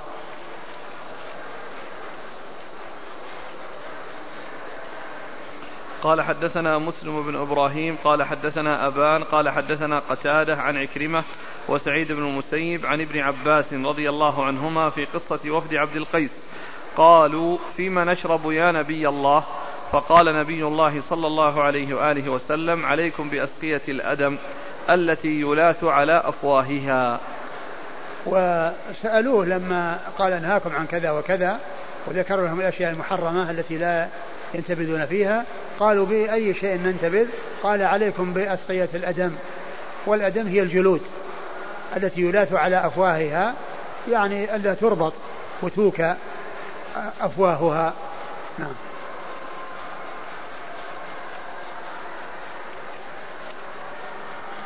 سيأتي أو, في رواية ثانية أنهم اشتكوا إليه. لما قالوا في الجلود قالوا أن أرضنا كثيرة الجرذان. فتقرض علينا هذه الجلود. هو في الآخر قال انتبذوا في كل شيء ولا تشربوا مسكرا ما كان هذه من أسباب العلل يعني لما قالوا له هذه هذا الإيراد. ما, ما ثبت؟ أقول ما أدري هل هو ثابت أو ما ثبت ما أدري. لكن ال ال آه، هم نهوا عن أشياء سميكة غليظة ورخص لهم في أشياء خفيفة رقيقة وفي الآخر رخص لهم أن ينتبذوا في كل وعاء بشرط ألا يشربوا مسكرا.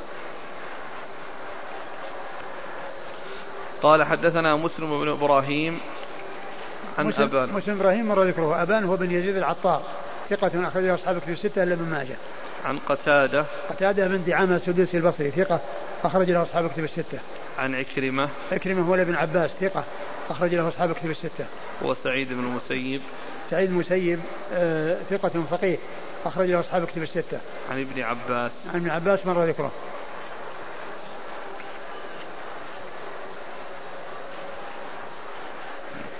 قال حدثنا وهب بن بقية عن خالد عن عوف عن أبي القموص زيد بن علي. قال حدثني رجل كان من الوفد الذين وفدوا إلى النبي صلى الله عليه وآله وسلم من عبد القيس. يحسب عوف أن اسمه قيس بن النعمان رضي الله عنه فقال لا تشربوا في نقير ولا مزفة ولا دباء ولا حنتم. واشربوا في الجلد الموكى عليه. فإن اشتد فاكسروه بالماء. فإن أعياكم فأهريقوه. آه، أورد أبو داود حديث آه، رجل من وفد عبد القيس. اسمه قيل قيل قيس بن النعمان. قيل إنه قيس بن النعمان. قال إيش؟ نهى. قال لا تشربوا في نقير ولا مزفة ولا دباء ولا حنتم هذه الأمور الأربعة التي مرت. واشربوا في الجلد الموكى عليه. واشربوا في الجلد الموكى السقاء الذي مر فإن اشتد فاكسروه بالماء. فإن اشتد فاكسروه بالماء يعني صبوا عليه الماء. والذي يبدو أن هذا قبل أن قبل أن يبلغ إلى حد الإسكار. أنه يصب عليه ماء حتى يعني آه، يستفاد منه آه، قبل أن يصل. أما إذا وصل إلى حد الإسكار صار خمرا والخمر لا يجوز الاحتفاظ بها والإبقاء عليها. ثم قال وإلا فأرقوه. لو سمحتم. فإن اشتد لأن هنا السائل جاب هذه المسألة مسألة الإسكار. قال فإن اشتد. إيه. إيش قال فإن اشتد؟ لا السائل هين أنا أريد لا الحديث فإن اشتد فاكسروه بالماء. فإن أعياكم فأهريقوه. الاشتداد تقولون دون الإسكار. والله الذي يبدو أنه أن الإذن بكون يصب عليه ماء قبل الإسكار لأنه إذا وصل لحد الإسكار يراق. يصير خمر. والخمر تراق لا يحتفظ بها ولا تخلل. فإن أعياكم فأهريقوه. يعني معناه أنه, أنه, أنه غلب وصار يعني خمرا فيهراق قال حدثنا وهب بن بقية عن خالد. خالد هو ابن عبد الله الطحان الواسطي. ثقة أخرج له أصحاب الكتب الستة. عن عوف. عن عوف هو ابن أبي جميلة الأعرابي وهو ثقة أخرج له أصحاب الكتب. أصحاب الكتب الستة. عن أبي القموص زيد بن علي. عن أبي القموص زيد بن علي وهو ثقة أخرجه أبو داود. ثقة أخرجه أبو داود. عن رجل كان في الوفد يحسب عوف أن اسمه قيس بن النعمان. وهو قيس بن النعمان. صحابي أخرجه أبو داود. صحابي أخرجه أبو داود.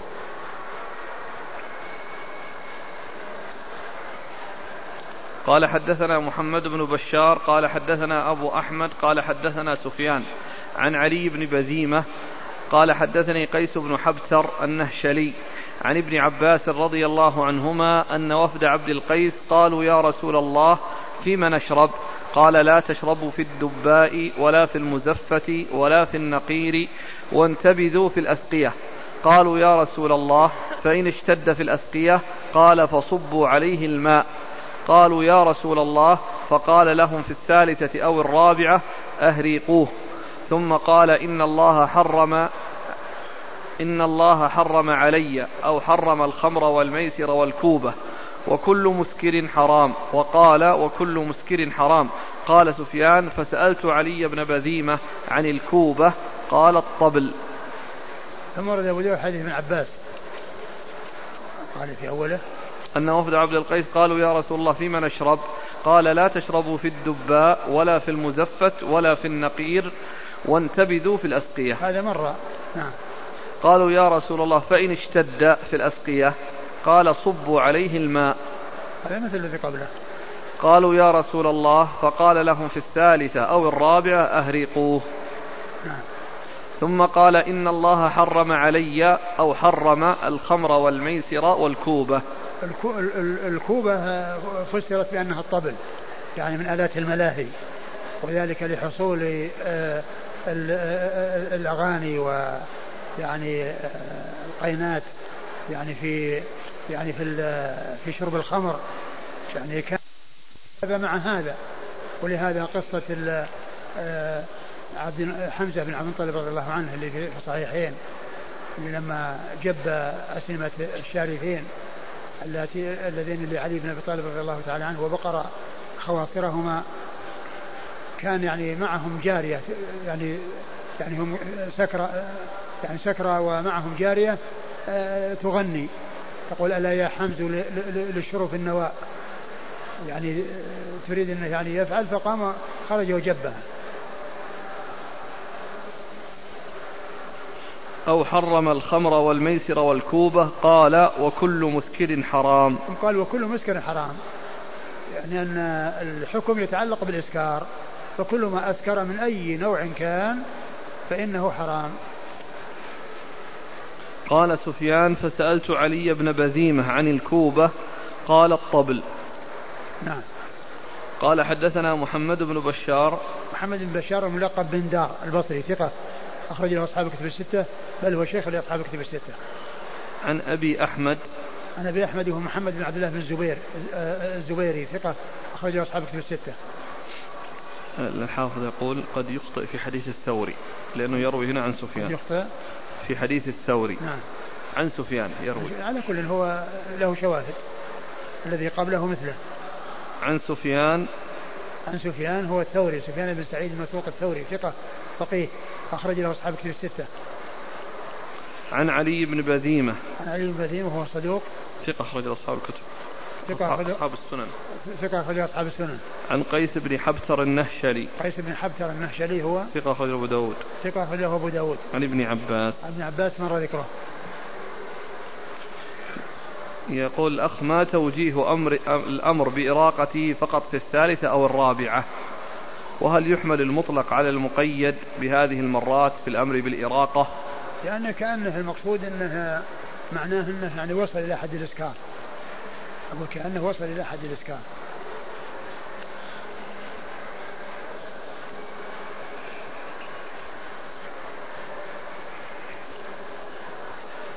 يقول إذا كانت سورة المائدة من آخر السور نزولا وفيها آية تحريم الخمر أليس يكون وفد عبد القيس وفد متأخرا؟ بدليل أن النبي صلى الله عليه وسلم حرم عليهم هذه الأوعية بعلة الإسكار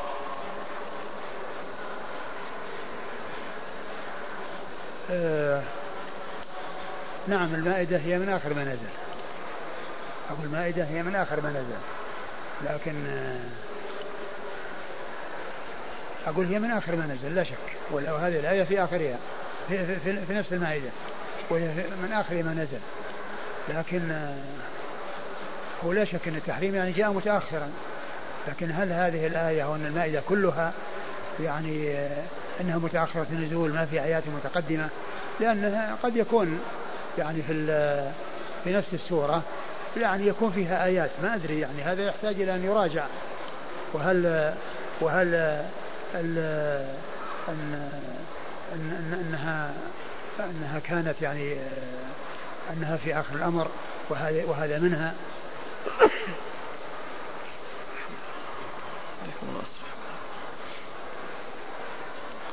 قال حدثنا مسدد. ومعلوم أيضا أن أن أنها فيها الوضوء والوضوء يعني صلاة مفروضة من مكة. وفيها كيفية الوضوء طريقة الوضوء. يقول في الصلاة فاغسلوا وجوهكم. أيضا في سورة المائدة. أقول في سورة المائدة. والناس يصلون بوضوء وما في صلاة بدون وضوء.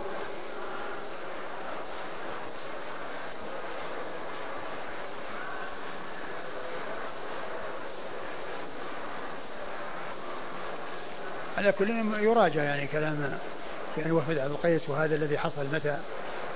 نعم. هنا يقول فاشربوا في كل وعاء غير أن لا تشربوا مسكرا فيما سياتي قال فيه دليل على نسخ النهي عن الانتباد في الأوعية المذكورة. إيه. قال النووي كان الانتباد في هذه الأوعية منهيا عنه في أول الإسلام. خوفا من أن يصير مسكرا فيها ولا نعلم به. لكثافتها فيتلف ماليته. وربما شربه الإنسان ظانا أنه لم يصر مسكرا فيصير شاربا للمسكر وكان العهد قريبا بإباحة المسكر. فلما طال الزمان واشتد تحريم المسكرات وتقرر ذلك في نفوسهم نسخ ذلك وأبيح لهم الانتباه في كل وعاء بشرط أن لا يشربوا مسكرا. لكن ال الانتباه يعني هو مع بعد تحريم الخمر كما هو معلوم. أقول تحريم الانتباه لئلا تصير خمرا وهذا بعد تحريمها. أما قبل كان الناس يشربونها. أقول كانوا يشربونها كما هو معلوم. لكن لا شك أنه يعني قوله أن النهي عن هذه الأوعية كان في أول الإسلام. يعني معناه أنه بعد التحريم. يعني بعد التحريم مو قبل التحريم. يعني إذا كان تحريم الخمر متقدم وأن وليس وأنه ليس كونه أنه يعني أن هذه الآية أنها يعني أنها كانت متقدمة النزول المائدة من آخر ما نزل من القرآن. لكن تحريم الخمر يعني يبدو أنه كان متقدم. ما هو ما, ما هو محرم إلا في آخر الأمر.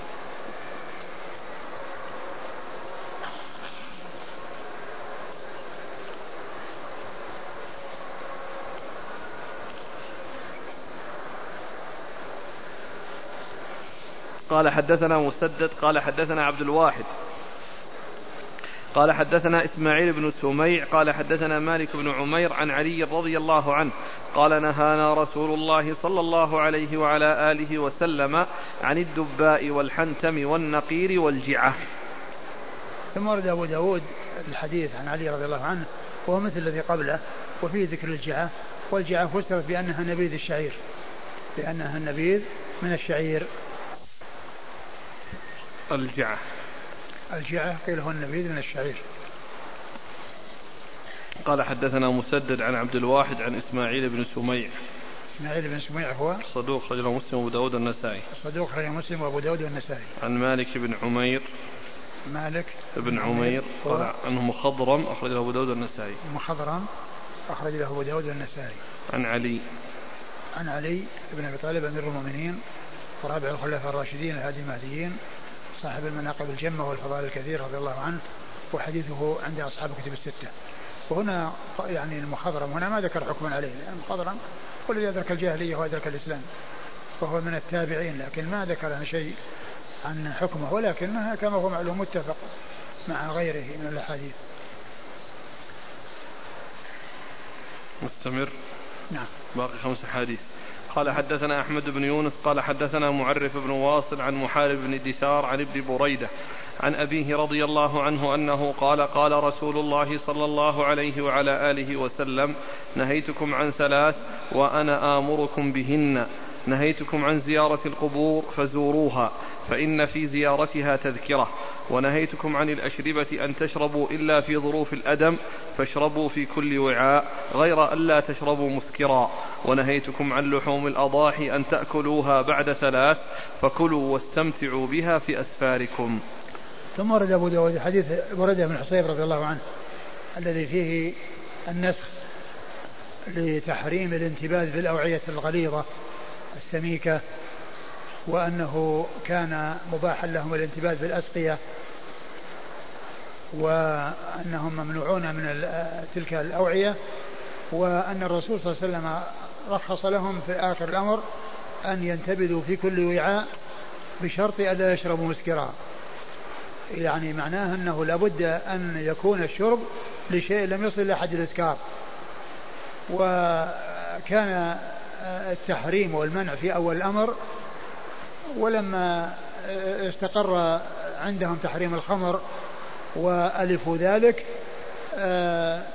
أبيح لهم أن ينتبذوا في أي وعاء لكن يحتاطون بحيث لا يكون شربهم لشيء مسكر وإنما لشيء لم يصل إلى حد الإسكار. وكذلك كان نهاهم عن زيارة القبور فأذن لهم بزيارتها وقال زوروها فإنها تذكر الآخرة. فإنها فإن فيها تذكرة. أي أن فيها عبرة وعظة. والإنسان عندما يزور القبور يتذكر الموت ويستعد له بالأعمال الصالحة. وكان نهاهم عن ادخار لحوم الأضاحي فوق ثلاث في ثلاث ليالي. ثم بعد ذلك أذن لهم بأن يدخروا وأن يتزودوا في أسفارهم. والمنع الذي كان أولا كان من أجل دافة جاءوا يريدون أن يحصلوا على اللحم فمنعوا من الادخار حتى يبذلوه لهؤلاء المحتاجين. وبعد ذلك جاءت السنة بأن لهم أن يدخروا وأن يتزودوا في أسفارهم وأنه لا مانع من ذلك. وهذا الحديث فيه الجمع بين الناسخ والمنسوخ. لأن قوله كنت نهيتكم عن زيارة القبور فزوروها. في ناسخ ومنسوخ كنت نهيتكم عن ادخار لحوم الأضاحي فوق ثلاث فادخروا ناسخ ومنسوخ. كنت نهيتكم عن الانتباه في أوعية فانتبذوا في كل وعاء ولا تشربوا مسكرا ناسخ ومنسوخ. نعم. قال حدثنا أحمد بن يونس. أحمد بن يونس ثقة أخرج له أصحاب كتب الستة. عن معرف بن واصل. معرف بن واصل هو ثقة أخرج له مسلم وأبو داود. ثقة أخرج له مسلم وأبو داود. عن محارب بن دثار محارب بن دثار ثقة أخرج له أصحاب كتب الستة. عن ابن بريدة. عن ابن بريدة عبد الله بن بريدة ثقة أخرج له أصحاب كتب الستة. عن أبيه عن أبي بريدة بن الحصيب الأسلمي رضي الله عنه صحابي أخرج له أصحاب كتب الستة.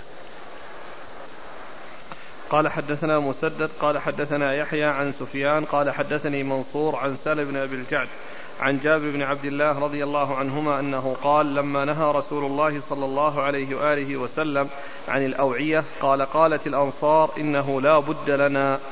قال فلا اذا ثم ورد أبو داود حديث جابر أنه لما نهى رسول الله عن الأوعية قالوا لا بد لنا منها, منها. فقال فلا اذا يعني معناه لا باس لا بأس بها. ما دام الأمر كذلك فإنه لا بأس بها. ويكون آه، الأمر يعني كما هو معلوم محمول في الأول على أول الأمر حيث كان آه، الناس حديث عهد بتحريمها وبعد أن آه، ألفوا ذلك واستقر لهم الحكم رخص لهم بأن ينتبذوا في كل وعاء. قال حدثنا مسدد عن يحيى. يحيى بن سعيد القطان ثقة. أخرج له أصحاب كتب الستة. عن سفيان عن منصور. سفيان مر ذكر منصور بن معتمر ثقة أخرج له أصحاب كتب الستة. عن سالم بن أبي الجعد. سالم بن أبي الجعد هو ثقة أخرج له أصحاب الكتب. ثقة أخرج له أصحاب كتب الستة. عن جابر بن عبد الله. عن جابر بن عبد الله الأنصاري رضي الله تعالى عنهما وهو أحد السبعة المعروفين بكثرة الحديث عن النبي صلى الله عليه وسلم.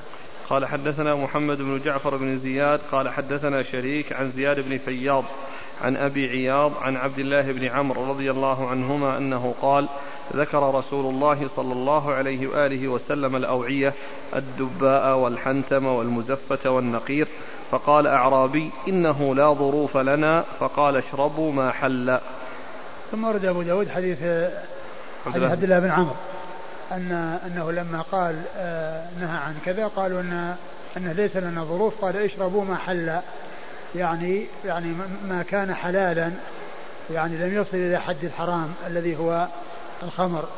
يعني ما دام حلالا اشربوا وإذا وصل إلى حد الإسكار ابتعدوا عنه. فهو مثل قوله آه فانتبذوا في كل وعاء ولا تشربوا مسكرا. نعم. قال حدثنا محمد بن جعفر بن زياد. محمد بن جعفر بن زياد هو؟ ثقة أخرجه مسلم وأبو داود النسائي. ثقة أخرجه مسلم وأبو داود النسائي. عن شريك. عن شريك بن عبد الله النخعي الكوفي صدوق تغير حفظه لما ولي القضاء وحديث أخرجه البخاري تعليقا ومسلم وأصحاب السنة. عن زياد بن فياض. زياد بن فياض هو؟ ثقة أخرجه مسلم وأبو داود النسائي. ثقة أخرجه مسلم وأبو داود النسائي. عن أبي عياض. عن أبي عياض وهو عمرو بن الأسود ثقة اخرج له أخرج له أصحاب الكتب إلا الترمذي وهو ثقة اخرج له أصحاب الكتب الستة إلا الترمذي عن عبد الله بن عمرو عبد الله بن عمرو بن العاص رضي الله تعالى عنهما أحد العباد الأربعة من الصحابة وحديثه أخرجه أصحاب الكتب الستة. قال حدثنا الحسن يعني بن علي قال حدثنا يحيى بن آدم قال قال حدثنا شريك بإسناده قال اجتنبوا ما اسكر. ثم ورد الحديث من طريق أخرى وقال اجتنبوا ما اسكر. يعني قوله يعني اشربوا ما حل أي ولا تشربوا مسكرا. وقال هنا اجتنبوا ما أسكر. نعم. قال حدثنا الحسن بن علي. قال حدثنا الحسن يعني بن علي. نعم. وهذا يدل على أن كلمة يعني هذه آه، يأتي بها من قبل أبي داود. لأن أبا داود لا يحتاج إلى أن يقول يعني بن علي. وإنما الذي قالها من دون أبي داود. لأن أبو داود ينسب شيخه كما يريد. لكنه هنا ما ذكره إلا بلفظ الحسن. فالذي دونه هو الذي قال يعني ابن علي وهو ثقة أخرجه أصحاب في الستة إلا النسائي. عن يحيى بن آدم يحيى بن آدم الكو يحيى بن آدم الكوفي ثقة أخرجه أصحاب كتب الستة. عن شريك بإسناده. شريك مر ذكره نعم.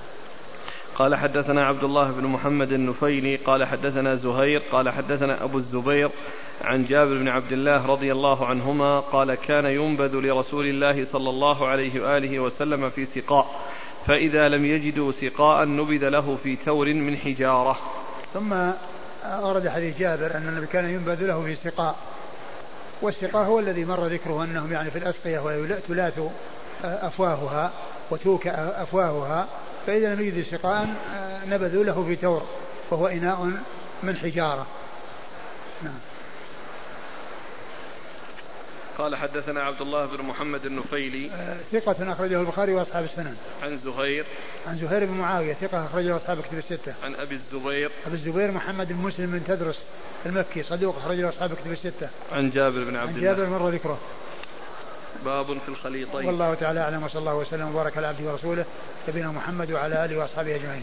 جزاكم الله خيرا وبارك الله فيكم ونفعنا الله ما قلت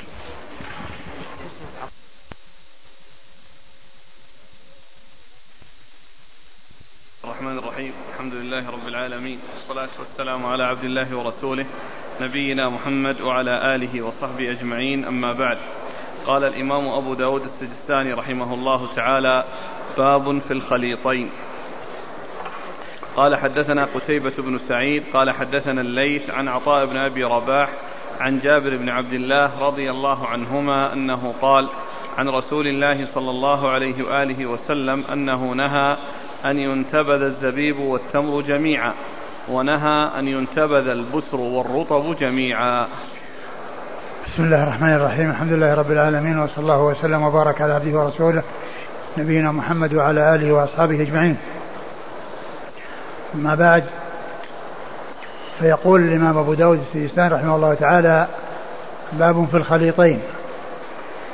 والمقصود من ذلك في باب الأشربة هو انتباذ نوعين من الأنواع يعني كالتمر والبسر أو كالزبيب والعنب أي أنه يجمع بين اثنين فأكثر في وضعهما في وعاء وانتباذهما معا أو انتباذها أي الأنواع المتعددة مع بعض. هذا هو المقصود من الترجمة. وهو المقصود من الخليطين لأن انتباذ شيء واحد هذا سبق أن مر ما يدل عليه وسيأتي ما يدل عليه والترجمة معقودة لاثنين يخلطان وينبذان مع بعض وينبذان مع بعض. الترجمة معقودة لهذا. وقد وردت الأحاديث في النهي عن ذلك. وكثير من أهل العلم حملوها على التحريم. وعللوا ذلك لأنه يسرع إليه الإسكار وقالوا إن المنع حاصل ولو لم يسكر. لأن النهي حصل منهما من خلطهما عن خلطهما